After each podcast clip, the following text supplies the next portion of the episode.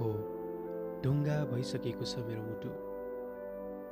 धारा तोरीको तेलले होइन मैले भोगेको चुनौतीपूर्ण र अप्ठ्यारा परिस्थितिले हो।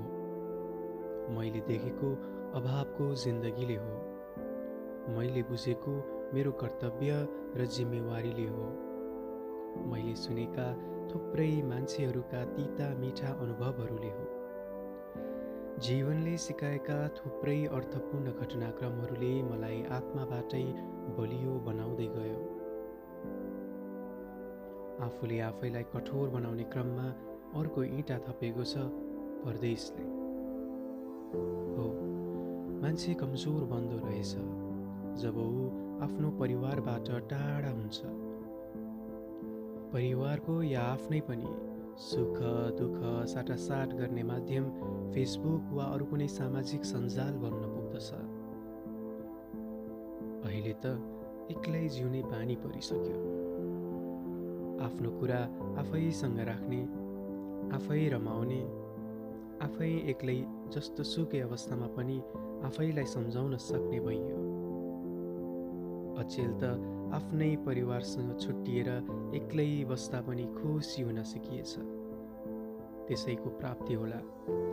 कुनै मान्छेसँग नजिक हुनाले पनि जीवनमा ठुलै खुसी पाए झैँ लाग्दैन। अनि कोही टाढा भइदिनाले दुःख पनि। हुन पनि कसको अगाडि कमजोर बनाउनु? पल पलमा आफ्नो कमजोरी खोजी खोजी त्यसको फाइदा उठाउन खोज्ने त्यस्ता मान्छेहरूको अगाडि। आफ्नै नजिक रहेर नदेख्ने रूपमा सियो बनी घोचिरहने आफ्नाहरूका अगाडि। जिन्दगीमा केही राम्रो गर्न खोज्दै गर्दा मेरो कामयाबीको बाटो छेक्ने धकेल्ने लडाउन खोज्ने र केही गरी अलि माथि पुग्यो भने खुट्टा तान्न खोज्नेहरूका अगाडि जब माग्दै नमागेको सल्लाह दिन आउनेहरूको सल्लाह म मान्दिनँ तब घमण्डी भनिन्छु म। ठुलो हिम्मत गरेर जब सापड दिएको पैसा माग्ने प्रयास गर्छु तब लोभी भनिन्छु म।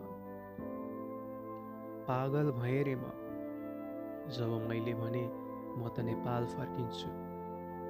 अब विदेश बस्ने मन छैन। चुरोट रक्सी खान्न भन्दा ती खानेहरूका अगाडि पाखे देखिएँ किन देखाउँ म मेरो कमजोरी? किन भनौँ सबैलाई म कति टुटेको छु? किन बाँडौँ र मेरो समस्याहरूसँग? मेरो हृदय हुँदै मेरो शरीरभरि आउने कम्पनको कारण के हो? किन सुनाऊ कसैलाई? मेरो बनावटी हाँसोको छायामा परेको मेरो मनको खुसी किन लुकेको छ? त्यसको उत्तर दिन किन जरुरी छ मैले? किन? कसैलाई फरक पर्छ र? परिहाले पनि समाधान गर्न सक्छ र? समाधान गरिहाले पनि जिन्दगीमा मैले तेरो लागि यस्तो गरेँ उस्तो गरेँ भनेर सुनिराख्नु पर्यो भने? कुन समस्या कसले समाधान गर्देला भनेर हात फैलाउँदै हिँडौँ कि समस्यासँग एक्लै लड्न तम्स्यौँ? अरूलाई सुनाउँदा बुझाउँदा सहयोगको प्रतीक्षा गर्दा ढिलो भयो भने? समयले मलाई कुर्दैन। तपाईँलाई कुर्छ भने त्यो बेग्लै कुरा। त्यही पनि यहाँ मान्छेहरू सधैँ हाँस्न चाहन्छन्। कहिले आफ्नो कामयाबी खुसीको कारण बन्छ त कहिले अर्काको बर्बादी। म बर्बाद हुन सक्छु तर म बर्बाद देखिन चाहन्न। फरक दिन फरक समस्यामा फस्छु म।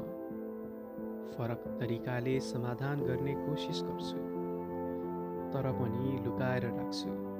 मेरो मनको बोझ मेरो तनको भोग। मलाई मान्छेले चिने पुग्छ। बुझ्न जरुरी छैन। तिमी त्यति मात्र बुझ जति म तिमीले बुझोस् भन्ने चाहन्छु।